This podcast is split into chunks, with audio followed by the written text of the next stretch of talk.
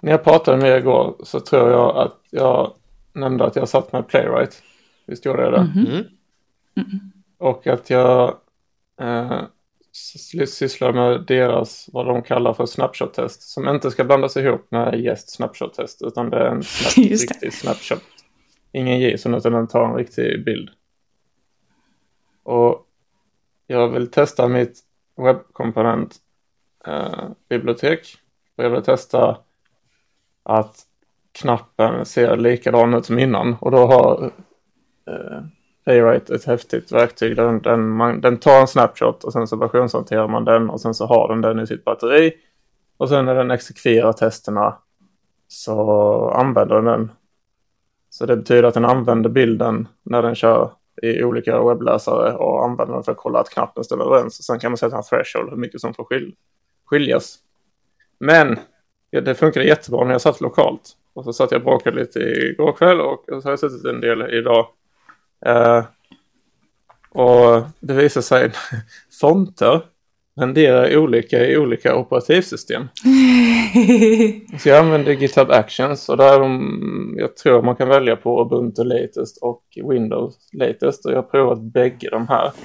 Men på en knapp som är 120 pixlar gånger 30 pixlar kanske, jag kommer inte ihåg måtten på dem, så blir det en 22-pixlig diff. Så jag känner inte att jag kan lägga in en så hög threshold att ja, en så stor del av den här knappen får skilja sig i testerna. Och det man ser, för man får en sån liten fin illustrering, då, då är det bara fonterna som skiljer sig. Och i vissa fall så renderar färger olika också. Märkte jag. Det är skitirriterande. Så jag funderar på att strunta i det här. För jag, lösningen på det är att sätta upp en Docker-container som kör det. Mm. Och det känns, vad är det jag vill testa egentligen? Så jag la in ett testprotokoll och satt bakgrundsfärgen för man kunde plocka ut CSS-properties också. Och det var så jag märkte att eh, fär- färgerna i olika webbläsare, typ i WebKit och Firefox, blir inte samma färgoutput när det väl renderar som i, i typ Safari eller Chromium.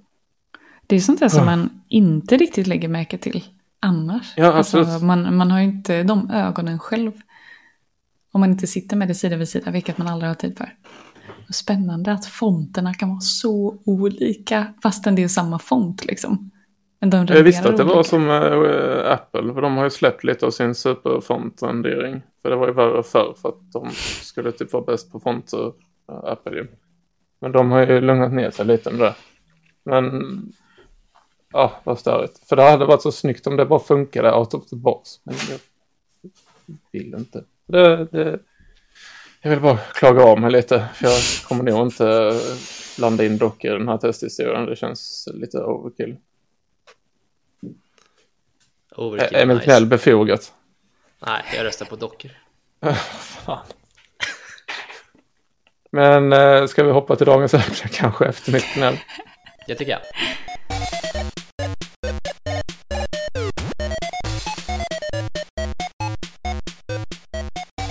Idag är vi eh, innan ämnet kanske. Idag har vi kingen här. Hej! Och, a.k.a. Andreas. Och sen så har vi Sara. Hej. Hej, och så jag, eh, Oskar. Och eh, vi ville prata om den senaste Stack... Jag var på väg att säga Snack Overflow. Eh, Stack Jag Overflow-servern. De kör ju, för de som inte känner till, de kör en årlig server, är det va? Jag blandar ihop alla Det som Jag det. blandar ihop dem med den JavaScript-servern som vi också redan har angripit i ett annat avsnitt. Eh, och denna gången så fick de över 90 000 svar om jag inte minns fel va? Så det har ju växt en del. Och vi tycker att vi har hittat lite intressanta saker här som vi skulle vilja gå igenom. Eh, vill du gå och starta Andreas kanske med något av sakerna som du reagerade på? Mm, absolut. Ja, men det första jag reagerade på det, det är såklart databaser och användning av olika databaser. Såklart. Såklart, precis. Ja. Eh, om, vi gnälla lite, om vi hoppar över från gnället på dockor så kan vi börja gnälla lite på databaser här tänkte jag. Men då, det är ju så att det, enligt undersökningen så har det ju varit en markant ökning av användning av Postgres. Eh, till skillnad från då till exempel MySQL eller traditionell MS SQL. Eh, och det tyckte jag var rätt, rätt intressant och jag, jag tänkte bara på mig själv när jag när jag sätter upp databaser och vad jag går till numera så är det faktiskt Postgres. För det tycker jag är mm. otroligt, otroligt smidigt. Det är väldigt lätt att sätta upp och det liksom funkar ja, riktigt bra. Så jag kan förstå det att fler och fler professionella går över till Postgres, speciellt om man ska ha små databaser så eh, är Postgres riktigt bra. Jag har för mig att vi i tidigare projekt så valde vi bort Postgres för att de hade problem med indexeringen på stora volymer av data. Det har de säkert löst. Men jag tror, om när jag läste den här undersökningen med Postgres så tror jag att det har blivit väldigt populärt för att det är open source. Postgres. Mm. Till skillnad från MySQL och MS SQL. Eh, det är liksom... Har det alltid varit det? Ja, jag tror att Postgres har alltid varit open source. Ja, inget Postgres-pro, jag bara fick för mig att det var någon som ägde det. Ja. Um, Så det är i alla fall vad jag tror eh, och var något som chockerade mig med, med Postgres. Men det som var ännu mer chockerande såklart, som vi kommer komma mycket i det här avsnittet om, det är att då, undersökningen är uppbyggd så att det två, två segment. Är de som jobbar med det, liksom, de professionella som jobbar med det och de som inte jobbar med professionell mjukvaruutveckling, alltså det kan vara studerande eller, eller hobbyprogrammerare. Mm. Och då var det ju att det är de professionella som använder Postgres mer och mer. Men om man kollar på det andra segmentet så är det fortfarande MySQL som, som man går till. Och det funderade jag rätt mycket på igår kväll när jag satt och läste kring det här och då jag tror i alla fall att det är lite en missmatch om vi ska ta liksom studentsegmentet, alltså skolor. Eh, IH-skolor, universitet, högskolor, you name it. Att det fortfarande är lite missmatchat vad man lär ut på i skolsegmentet kontra vad som faktiskt används i verkligheten. Eh, där. Vad, tror, vad tror ni om, om allt det? Jag förstår ju varför folk som vill lära sig använder eh, så går mot MySQL istället. För att det känns i min värld, min, min dåliga datakunskap, så känns MySQL mycket enklare. För till och med en sån frontend som jag har ju skrivit en massa queries i mina dagar. Mm. När jag, och tiden då jag faktiskt skrev en massa POP också. Jag skulle säga det, att det känns som MySQL är väldigt tätt kopplat till PHP, men jag kunde inte se att PHP var särskilt poppis som språk i den här servern, utan ja, Nej, de, de, de, man tappar ju lön också om man ska Äntligen! jag trodde att vi inte skulle basha här på podden. Man blir bestraffad. inte okej. Okay. um... Jag tycker om man har ett rekursivt namn så borde man... borde det... Visst står det för POP Hyper Processor, står väl POP för? Um, någonting, jag kommer inte ihåg exakt men ja, det är... Jag tror det första POP i POP står för PHP. Ja, någonting sånt. Ja. Och så är det en dansk eh... som har skapat det. yeah. Typiskt danska. Um, jag skulle fråga en fråga men jag glömde bort den. Ja, förlåt. För mig då som kanske inte har suttit så himla mycket med varken MySQL, MSSQL eller Postgres liksom. Har ni suttit, alltså vad, visst det är open source den här eh, Postgres liksom, men vad, är det någon skillnad i själva flavorsarna? För jag antar att allting är SQL på ett eller annat sätt. Precis, det är lite, lite syntaxmässigt i vissa fall som, som skiljer sig. Allt är ju SQL i botten så alla, oavsett vilken, vilken syntax du har jobbat med så kan du hoppa rätt enkelt mellan disciplinen eller syntaxerna. Mm. Eh, men det finns lite olika flavors i dem. Men äh, inget som jag, jag har jobbat med alla, alla tre, äh, så inget som jag tycker hämmar en på något sätt, utan det är Sen är inte jag en, en DBA-människa, så en, om vi hade frågat en DBA-människa här i den här podden så hade den förmodligen sagt ja, det är jättestor skillnad mm. på dem. 1, mm. 2 och 3. Men ähm, i min värld, som bara skriver SQL, eller simplare SQL queries och ibland lite mer står procedureaktigt så är det ingen skillnad för mig i alla fall. Nej. Och det kanske är mer skillnad i liksom hur databaserna hanterar, alltså det som du pratade om innan med indexering och sånt där. Liksom. Mm. Att det kanske är mer skillnad bakom kulisserna eller bakom själva SQLen så att säga. Precis. Kul, det är så olika. Jag kände ingenting när jag kollade på det här med Postgres. Jag reagerade inte ens på det. Det var axelryckning senare. Så. Mm. Någonting som jag reagerade på med och var ju det här med att jQuery fortfarande verkar vara väldigt stort när det kommer till, eh, till de som lär sig nytt. Mm. Det tycker jag känns också det som vi var inne på, liksom, att det missmatchar lite. Varför? Jag, jag vill veta varför nya som lär sig nu, liksom, varför hamnar de i jQuery? Är det för att skolan lär ut det eller är det för att man bara, åh nu ska jag lära mig och så hittar man en jättegammal tutorial liksom. Jag det kan tror- det väl inte vara? Jag tror att det är skolorna i Mm. mycket här som fortfarande lär ut jQuery. Jag kommer jag- jQuery.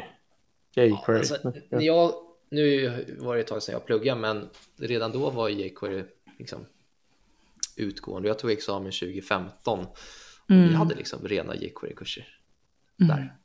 Och jag lärde mig ju helt sjuka grejer. Jag fick lära mig programmera ActionScript, det har jag säkert sagt 300 gånger i podden, men jag kommer inte ihåg. Men alltså det är ju helt, alltså det fanns ju inte ens på marknaden när vi lärde oss det. Nu, ja, Jag helt också sjukt. läst ActionScript faktiskt. Jag hade eh, en kurs där vi skulle lära oss. En del av kursen var i alla fall att vi skulle lära oss Flash. Mm. Ja, just det. Det har man hört. Så jag, så jag gjorde ett uh, webbspel där man sköt bubblor Ja, det var på exakt det vi andra bubblor. också. Ja, nice. Jag gjorde ett Shrek-spel. ja, Det är faktiskt ganska nej. kul. Jag eh, minns tillbaka på den här, t- den här kursen med mycket glada minnen. Jag tycker det var lite kul. Den skit i alla fall Flash är inte relevant Alltså man lärde ju sig inte rimliga saker i form av så här, objektorienterad programmering. Mm. Eh, men eh, ActionScript använder man ju inte direkt. Eller tänka på frames är någonting jag väldigt sällan gör om det inte är så här CSS-animationer typ. Nej, Ja, precis. saknade man, ja, vad hette det, makromedia när man var tvungen till att godkänna och ladda ner det här Flash. Eh, mm. Just det. Mm. Men nu när vi är inne på, på utdöende språk så kan vi också snacka lite om lite mer upcoming språk. Det var ju någonting som Mm. jag tänkte när jag läste den här undersökningen. Jag hade aldrig, aldrig hört talas om det. Men eh, det var ju ramverket, eller jag antar man säger språket SIG. Mm, jag hade inte heller hört talas om det. Och försökte leta reda på det jättesnabbt, precis innan vi skulle spela in. Eh, kan du berätta mer? Har du kollat upp? Jag menar vad jag har kollat upp? Alltså, som jag förstod SIG så var det liksom att deras, deras pitch är liksom fokusera på att debugga din applikation istället för att debugga programmeringsspråket. Och det är så här, ja, absolut, det, det finns väl en, en fördel i det. Men sen så satt jag och kollade lite, lite syntax och sånt där, hur det faktiskt såg ut. Och det, i mina ögon så var inte det någonting som jag vill jobba med i alla fall. Nej, det Men, var låg hype på den. ja, exakt, det var, det var liksom, det var låg DX för mig, skulle jag säga. Men eh, å andra sidan, jag har inte provat det, så det finns säkert riktigt roliga saker där i. Men, Men, hur om man ska vända... menar de? Eller så här, jag tänker så här, jag vill helst inte debugga. Kan de lösa det åt mig? Ja, just det. Ja, det tror jag ingen, ingen kan lösa. Men en, en anledning till att lära sig det är ju att det är det högst betalda programmeringsspråket just nu. Mm, Ka-ching! Var är våra ljudeffekter? Exakt. Ja, det, var, det är jag som styr dem. Ja, vänta. Det är för Är sent. bra? för sent. Ja, nej, jag jag förstörde allting. Men det är i alla fall intressant att, att sånt liksom, för i vår värld är sånt liksom programmeringsspråk som är så långt ifrån oss eh, plötsligt kommer och tar det toppbetalda jobbet. Eh, och jag vet inte när Men är det för att det är så faktiskt- få som kan det? Som det kanske är så förmodligen, betalt? förmodligen. För det är väl lite samma med Erlang. Jag vill, eh, jag vill hålla på med funktionell programmering. Så jag kommer ju kolla på den här listan nu och se vad, vilken jag får mest betalt för. Men det var faktiskt en fråga eller en fundering som jag, som jag ställde mig. När ni, när ni kollar på, på nya språk och, och funderingar så här. Nu sitter vi och snackar om en, en server från Stack Overflow, men sitter ni och kollar på, på just det, det perspektivet, liksom vad eller hur, hur bra betalt det språket faktiskt är i branschen? Eller ni, ni går ni på andra perspektiv när ni väljer nya språk? Nu kollar jag ju, uppenbarligen. Just det. Nej, men det är ingenting jag någonsin tänkt på innan. Eller jo, jag har tänkt på det i form av, okej, okay, men om jag lär mig det här språket, finns det någon marknad för det? Kan ja. jag få jobba med det? Till exempel, jag var jätteinne på att lära mig Elm, för jag är superintresserad av just funktionell programmering. Men eh, det finns inga jobb och de, de inte ens med. De var inte ens med i servern. och så blev jag jätteledsen och så hittade jag, vad, vad är det, Closure som har varit jätte, så här, välbetalt och så bara, mm, jag kanske ska lära mig det då. Som också är en nedåtgående trend. Nej men precis, du får välja Elixir istället. Exakt. Kan man skriva backend i Haskell? ja, men ty, alltså när man har kollat på dem innan så, så vi är i stor utsträckning frontändare. Förutom att Andreas onekligen kan lite saker om databaser. Eh, ja, alltså när man kollat på dem innan så har det varit en ganska sorglig historia för frontenutvecklare. Men, men mm. innan har det också varit en betydligt större del amerikaner som har svarat på dem. Men nu står ju eh, USA bara för 20 procent av svaren på 90 000 svarsposter. Så det, den här servern har blivit mycket mer relevant för oss nu. Mm. Absolut. Eh, för det är mer resten av Ja, vad var det? Jag såg någon del av servern som var uppdelad i länder. Och vilka länder var det då? Det var USA, Tyskland, Kanada, okay, Indien och Storbritannien. Ja. Mm, USA står för 21,21 21 procent. Mm. Tyskland 8,34 på andra plats. Men ja, det blir ju lite vinklad data när det är så mycket som ändå kommer från ett, och samma land. Mm. Sverige står för Inka 1,87 procent. Nej, fy fan dåligt. Ja, vi får bättre oss. Jag fick inte frågan om att få vara med och svara så. Nej, just det. Just det. Jag har faktiskt svarat några gånger. Va? Eh, men eh, jag har inte gjort det, jag gjorde inte det i år. Jag... Den är väl öppen för alla. Det är väl bara att gå in och Jaha, det var mitt fel. Ja, absolut. Det var mitt fel. Jag måste gå in. Jag som hänger på Stack Overflow varje dag. Ja, och det var ju också intressant i den, i faktiskt i Stack Overflow eh, undersökningen att nu kommer jag inte ihåg procentdelen av alla utvecklare, men det är ju en, en jäkligt hög majoritet av, av alla utvecklare som jobbar med det som sitter i alla fall på Stack Overflow i alla fall några gånger per dag. Men hur minska, hittade de folk? Till undersökningen? och GitHub Copilot eller? Oskar? Ja, nej, jag tänker att det måste minst, alltså deras trafik, de måste ändå vara lite oroliga Stack Overflow att eh, för det kommer ju bara vara att andra tjänster kammar dem, inte att de, ah, ja. folk direkt Absolut. besöker dem. Så det beror ju på vad de räknar som ett besök på Stack Overflow. Och det tror jag liksom, om vi bara om vi höjer blicken och kollar Google, hur mycket dropp de fick i sökningar så fort ChatGPT släpptes. Jag tror att vi spelade in, tror jag första AI-avsnittet här i Snack Overflow med, med Johan, han hade lite statistik på det där och hade mm. kollat hur mycket dropp i trafik för Google då. Och jag kommer inte ihåg om man hade kollat hur mycket dropp i trafik för Stack Overflow också när ChatGPT mm. lanserades. Men det var... Det är kanske är därför Google Search ska, ska komma med den featuren. Då. På Google O för ett tag sedan släppte de denna featuren att du typ ska kunna besöka sidan utan att klicka på den i sökresultatet.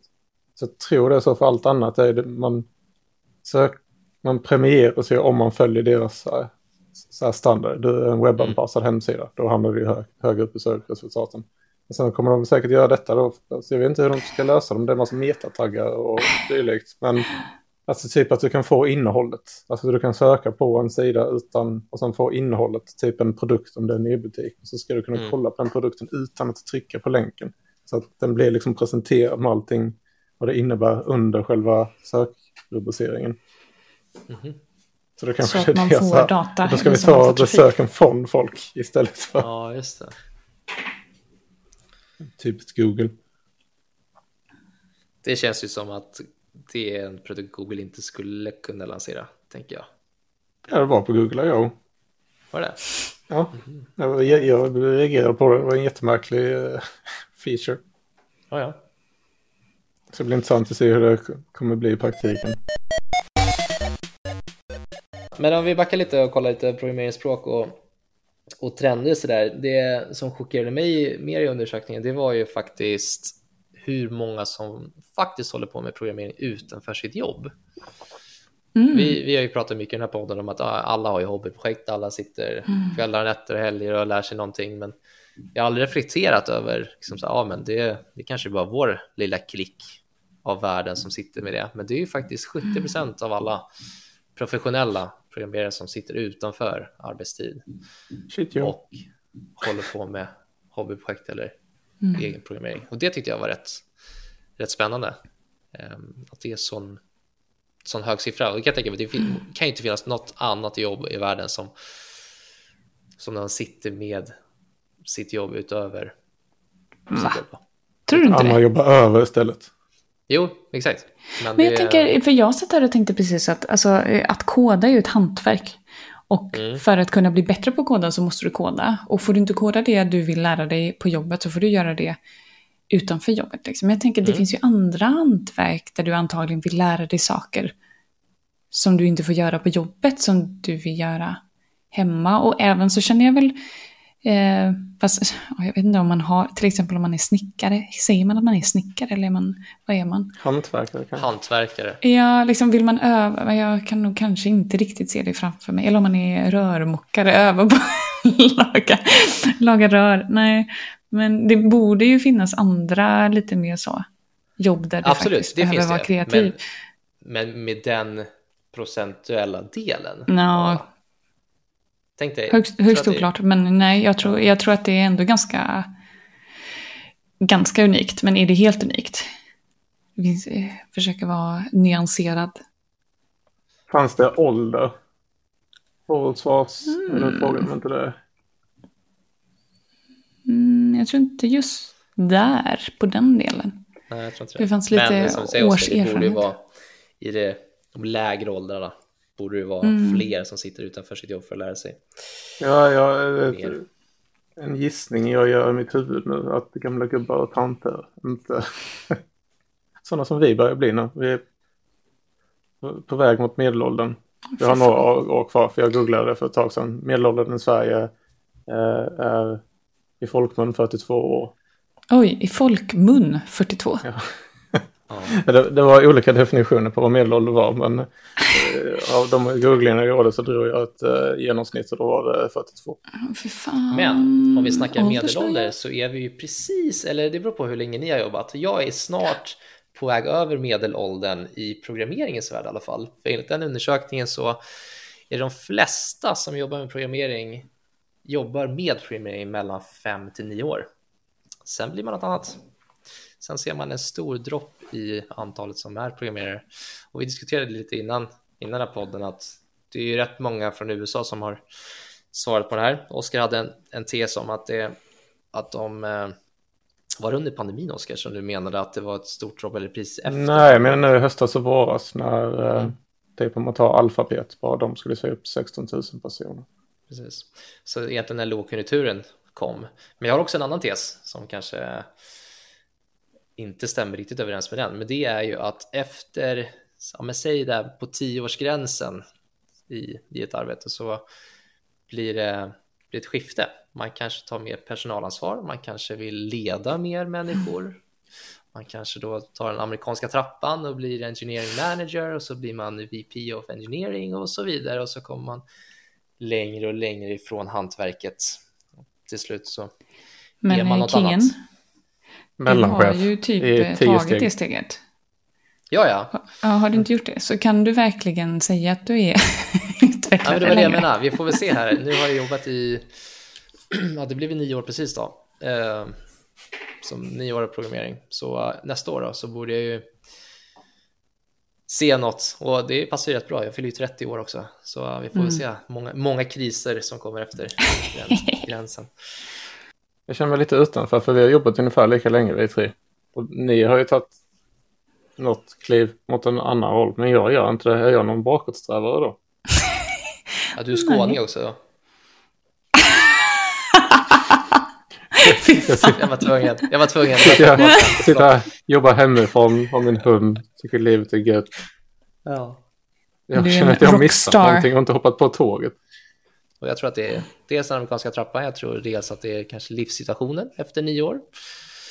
Folk skaffar, skaffar barn och kanske tycker att det är att det krävs mycket mer för att hålla sig ajour. Jag menar om vi kollade på statistiken, 70 procent av alla professionella sitter Mm. utöver sin arbetstid för att stay top of the game. Det krävs rätt mycket tid då för att hålla sig ajour och vara med i, i den branschen. Men eh, Mm. det är bara en liten tes jag har att folk, men jag tror dels den amerikanska trappan men också att det, det finns andra saker som lockar mer med mer ansvar och leda. Men det brukar, människor. eller var det inte så i den här eh, surveyn också när man kunde se vilka som tjänade mest pengar, att du tjänar mer pengar som en manager än som en absolut. utvecklare. Så, där, så ja, det är väl det du menar med den amerikanska trappan. Men frågan är om Mm. det även eh, har utslag på resten av, alltså även i Europa och Indien och sådär. Liksom, att det spelar roll det där. Det tror jag tror mer på i, i och med, i alla fall Fast det är svårt så här. Nu, nu har vi pratat ganska mycket om att USA var en stor del av undersökningen, men det var ju bara eh, 20 procent. Mm. Att, alltså för jag tänker typ eh, att skaffa barn i USA, hur mycket påverkar det om de ändå... Vilka fördomar jag har märker jag nu, men jag tänker att många kanske har fruar som är hemma med barnen liksom. Ehm, och jag tror jag såg någon data på det där om att det är, en, det är ändå 30% av kvinnorna som jobbar. Ehm, det är ju lite, eller väldigt annorlunda i Sverige skulle jag säga, där nästan alla hushåll kräver två inkomster för att gå runt. Mm. Att det ändå spelar roll där. Jag tror, jag tror mer på det här att man väljer att gå över till en, jag höll på att säga mana, managerande roll. Mm, Managing, vad heter det på svenska? Ja, jag har alltid de här frågorna. Förlåt. Mellanchef. Mellanchef, mellanmjölk, lagom, Mm. just det. Alltså, Ja. Den där rollen är olika också. Jag har en eh, kollega på mitt nuvarande uppdrag som sitter i, jag tror han sitter i Bangalore. Han har personalansvar för 50 personer tror jag. Hjälp i himmelens namn. Hur Så den lyckas man med där det? rollen måste ju komma i olika former också om man ska dra något, eh, försöka dra något snitt Absolut. vad de där olika ingenjörrollerna betyder. Och det Mm. beror nog väldigt mycket på alltså, vad man tar den rollen rent geografiskt också. Men menar du att den här personen också kodar? I teorin tror jag han hinner en del också. Jag, Jag tänker, tänker att han vad, måste ha någon vad sån här mall. man? Jag vet, han måste ha någon mall. Med så här frågebatteri som han ställer sina 50 personer som han har personalansvar för. Ja, eller så här, pratar han med dem? Eller är det bara typ lönesamtal? Jag, jag har inte förstått. Alltså, det låter... eh, det det låter otroligt orimligt. Ja, Ja. Vi pratade om det här med att eh, eh, lära oss nya språk om vi skulle kollat på liksom, hur mycket pengar det kan dra in. Och så tog jag den frågan och svarade jättemycket på den. Men så fick jag inte bolla tillbaka den till er. Men jag tycker att det är en intressant fråga och vill veta vad ni hade svarat. Sig. Zig. nej, jag, nej, jag vet faktiskt inte ärligt talat. Jag har inget sådär språk som står på min så här, lista just nu att jag vill lära mig. Du kan allt. Nej, men allt jag, de utmaningar jag vill lösa passar rätt bra med språken jag kan. Lite så. Mm. Ehm, så jag, nej just nu, det kan vara ett tråkigt svar, men just nu ser jag ingen, ingen större behov av att lära mig ett nytt språk som skulle egentligen skapa mervärde utifrån de lösningarna jag sitter med. Mm. Jag känner likadant. Jag har saker som jag vill göra och sen så vet jag inte vilket språk jag kommer behöva använda för att lösa det. Alltså till Mm. hobbyprojekt. Mm. Det finns liksom ingen inneboende, åh jag skulle bara vilja lära mig det här språket, utan det är mer styrt av vad ni vill kunna göra. Men för min del är det så i alla Mm. fall. Ja. Ja. Ja, det är jag och Elixir då. Eh, Är det elixir du vill lära dig? Nej, jag vet inte. Jag blir bara lite inspirerad av de här zonerna i, i surfing. Men jag tyckte också, det, en del av surfing är ju också så här, eh, vad, vad var det de kallade det? Admired and desired. där, man, precis. där de kollade på hur många som hypade att de ville liksom lära sig någonting. Och så sen när de väl hade lärt sig det, hur mycket de admired samma språk. Och ju mer desired någonting är, desto mer hype är det. Och, och så såg man det på en, ett litet streck, var två punkter. Den ena var desired och den andra var admired. Och så var det liksom som ett långt eller ett kort streck mellan dessa två punkter. Försöka förklara ett diagram. Jag tror att våra lyssnare kommer förstå exakt hur det här såg ut. Eh, Det. Mm. Men eh, då när man kollade på JavaScript så var det ju ganska tätt mellan dem, vilket betyder att hypen gör ganska mycket av, av eh, hur, hur man tycker om ett språk. Medan till exempel Rust då hade ganska långt mellan hype eller desired och admired. Rust är ett språk som jag faktiskt hade velat kolla på. Go hade jag velat kolla på. Jag vill för mycket i mitt liv.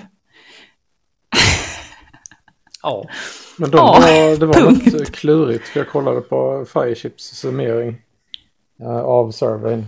Och det Mhm. var ju något som var fintigt med Rust. Jag vet inte om det var Rust eller det var eh, eh, konflikter i communityn. Uff. Jag vet inte om de hade ändrat någon licensmodell eller någonting. Det var något sånt i den. Oj, oj, oj, Så oj. det kanske du ska lära dig. Nej, usch då. Jag får kolla det finstilta. Men ska, man ska också ha tid att göra det där. Eh, Ruby gav så bra betalt. Ruby. Jag har en dålig smak i munnen när jag hör Ruby. Men jag vet inte, jag Jag, har vet, jag tänker bara på Ruby Ruby känns, ja precis, Ruby känns också som en sån där uh, sak som många skolor hoppade på och fortfarande Mm. kör och lär ut. Ja. Men hur många projekt har ni suttit i där man faktiskt har använt Ruby? Eh, inget. Bara skript, alltså som inte används i, alltså Ja. som inte exekverar live. Alltså bara saker runt omkring, då har jag skrivit lite Ruby. Ja, Men Mm. eh, inte annars, alltså det har inte använts på riktigt. Och då har det liksom varit för att det varit någon tomte innan i skriptet som har haft en fäbless för Ruby och skrivit en massa, istället för att skriva Node-skript så skriver man det i Ruby. exakt. Hur många i detta projektet kan Ruby sträcka upp en hand och så var det bara han och så hade han skrivit dun, dun, dun. Och det, Seriedriven utveckling. lyssnare, har vi precis. Ah. Så kan ni numret på avsnittet? Det hade varit mycket coolare. Ja, Menar du att du ska Alltså kolla jag, upp det någon, nu? här, någon, nej. jag har någon spontan känsla av att, att det är avsnitt 74, men det är säkert helt fel. Men det är bara Ja. någonting som, Tänk om det är det. Vad sjukt. tänk om det är det. Och jag vågar inte trycka någonstans. Nu vill jag så himla gärna kolla. Men så vet jag att om jag klickar så kommer det komma in i ljudinspelningen. Så det Nej, vågar nej. jag inte. Nej. Inget mer tekniskt strul har riktat mina hörlurar och dog. Men vad är er eh, slutgiltiga känsla över servern? Liksom? Kände ni att ni kunde ta med er någonting? Eller var det, var det, ens, var det kul att titta på den? Fick ni... Absolut. Det var mer än vanligt. Mm. Alltså den var ganska matig. Som- Innan så har det ändå varit, tycker jag, det enklare att scrolla igenom den och få någon bild själv. Men nu är det så mycket eh, data så nu jag började googla på summeringar och kollade på Fireship istället. Så liksom, det blev så mycket data. Men det är kanske är det de siktar på istället. För liksom, att de vill att content creators ska tolka det och Mm. sprida budskapet. Ja, för det var någonting jag saknade i själva servern. Jag kollade bara på den. Att åh, jag önskar att man, någon annan hade kanske gjort lite analys på detta. För det var svårt. Mm. Det fanns ju några fina diagram där. Men det var svårt att förstå sig på dem och liksom dra slutsatser tyckte jag. Absolut. Men eh, en grej innan vi rundar av som jag reagerar på. Som jag undrar lite också hur ni reagerade på. Jag vet inte om ni läste den men det var hur många som använder AI-tools för programmering. För att underlätta. Och där Och där var det en fråga precis som jag ställde den precis. Och så det intressanta med svaren där tycker jag är distinktionen mellan folk som jobbar med programmering och folk som är på väg att lära sig programmering. Mm. Så 44,17 procent svarade ja, att de använde typ, låt oss säga ChatGPT. En AI-tool för att eh, underlätta arbetet. Medan de som är på väg att lära sig, och då ja, lite brasklappar på vad learning to code innebär, om det är att man mm. studerar mm. eller man gör någonting ut, utanför sitt vanliga arbete. Men där var det 54,87 procent ja, att de använder AI-tools. Mm. Och det, det, tycker jag att det, att den delen är större tycker jag är lite läskig. För att det betyder att man lär sig av AI. Och än så länge så är inte AI i min mening tillräckligt bra för att ge korrekta, konsekvent korrekta svar, för det gör de inte. Mm. Jag hade faktiskt en intervju med eh, en kille som sa att han använde AI som en del för att lära sig, eh, mm. lära sig koda bättre. Och det han sa att han använde det till var ju liksom få, så han har skrivit kod som han inte använt AI till såklart. Och få, alltså som en mentor typ som kunde se, okej okay, men hur hade jag kunnat skriva den här koden bättre? Um, och det tyckte jag var jättehäftigt och önskade nästan att jag hade när, när jag lärde mig programmera. Samtidigt som du säger Oskar att man måste ju vara otroligt medveten om att det skulle lika väl kunna vara fel. Och det sa han även att han, han hade stött på vid ett tillfälle att han hade fått kod som var så men den funkar ju inte. Eller så här, mm. det här var nog något galet liksom. Och då skrev han det till AI. Som bara, oj, just det, förlåt mig, ursäkta, här är den rätta koden. ursäkt. ursäkta mig, så, förlåt. ursäkta mig. Um, men uh, ja, jag, jag, kan verkligen se att det skulle kunna vara ett helt otroligt uh, bra verktyg för att lära sig. Samtidigt som det också är skrämmande just att så vi människor måste ju fortfarande kunna programmera och kunna lära AI. Tänk om det blir bara tvärtom. Då har de tagit över.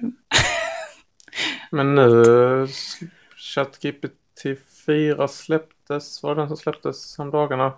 Mm. Där eh, har de ett tilläggs... Han, det var också Fireship. Eh, han visade att man, ChatGPT kan exekvera kod och prova att ändra sin kod till så att det exekverar korrekt. Så den ger förslag på kod som den själv provar att exekvera uh. tills det fungerar. Än så länge var det nog bara stöd för Python tror jag, för de har någon fäbless för Python på det företaget. Uh, Python vill jag också lära Det är också, det, det är en ganska kraftfull, säg att eh, personen du intervjuade hade haft mm. den första svaret säger den, jo denna koden är bättre för att, helt övertygande. Och sen så exekverar mm. det. Och sen så exekverar den det mm. fem olika gånger med fem olika versioner tills det funkar. Hur, vad har man lärt sig då? Mm. Samtidigt så tänker jag att, um, eller alltså jag håller med dig om att när man lär sig koda så ska man absolut inte bara använda AI. För hur mycket lär du dig av att få kod ifrån en AI? Typ ingenting. Du måste ju koda för att lära dig koda. Eh, samtidigt som det kan vara jättebra att få feedback på det man har gjort. Om det enda, den enda feedbacken du kan få är från ett AI som har egentligen asmycket data så kanske det kan vara bra feedback.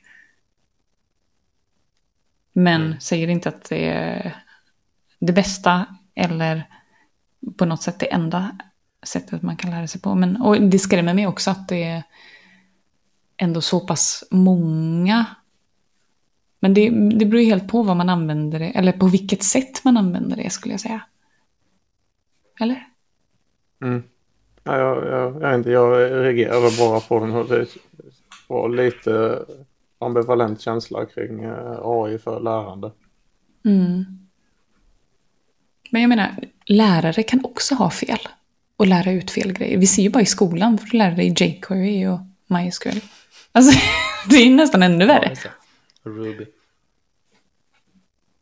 Ja. Och även den, den, koden jag har sett, eh, nu är inte jag läst på Chalmers, men min sambo har läst på Chalmers. Och se de här exempelkodgrejerna som man får och det är så äcklig Java-kod. Som, eller så här, inte för att Java är äckligt, men för att det... jo, du sa det Sara. Men så som de har gjort sina klasser med jättemycket inheritance och så förespråkar de inheritance och visst det är väl klart att man ska använda det i ett objektorienterat språk men man kan ju också göra lite mer composition just för att det är lättare att inte få hela djungeln om man ska göra en liten pyttegrej. Så ja, jag, jag tror mer på human error än AI error. Eller mm. tror mer på. Det var väldigt vagt uttryckt. Nej, men jag tror att, att äh, människor kan göra ganska mycket fel också. Jag funderade på att sluta plugga när, jag, när vi hade ett halvår Java. det var inte min kopp te. det är inte din kopp av te. Kopp av te. Jag gjorde det igen. Ja, precis. engelska uttryck. Ja, mm. Kul. Mm. Ja. Mm. Jag borde göra det mer istället för att prata svengelska. Jag har, jag har försökt börja nu. Men så blir det bara att jag frågar, hur säger man det på svenska? Du får läsa lite fler böcker på svenska, Sara. Då kommer oh, gode gud. Jag får nog göra det. Eh, har du någon rekommendation? Är det dagens tips nu? Eller? det kanske är bra att överflyga till dagens ja, tips. Ja. Har du något på lager? Jag har ett väldigt icke-tekniskt tips. Ehm, jag som själv ja, inte har varit så mycket i Skåne var nu förra veckan i, i Höganäs. Mm, mm, mm. Och jag har en förkärlek till de här Höganäskrukorna, jag tycker att de är otroligt fina. Mm. Och då var vi just på, ja, man kan inte säga fabriken, men ja, säg fabriken för Höganäskrukorna, hur de görs. Och jag har ju alltid tänkt att ja, det, är något, det är något stort som, som bara trycker ut krukor, liksom, hur mycket som helst. Ja, men då satt det en gubbe där. En gubbe som gör alla krukor. Han är den enda som får signera krukorna med den här stämpeln där det står Höganäs. Vad gör så de han... när han inte finns? Ja, bussfaktorn är ju svinhög. Ja, så det var intressant. Vi, fick en, vi stod och pratade med en av drejarna där eh, och fick lite, lite inspel. Han, han har suttit där sedan han var 17 år. Nu är han i Jesus. övre 50. Han har inte blivit en manager. Nej, nej, han satt fortfarande och grejade. Eh, så ett tips är att åka till Salthallarna i Höganäs om man vill se hur de, dels hur de gör Höganäskrukor, mm. men också köpa lite fina Höganäskrukor. Eh, mm. Det var rätt ballt tyckte jag. Mm. Då missade Fint. du tennisveckan precis. I Båstad? Ja, den är ja, väl det... typ nu. Missa, det vet jag inte om jag gjorde.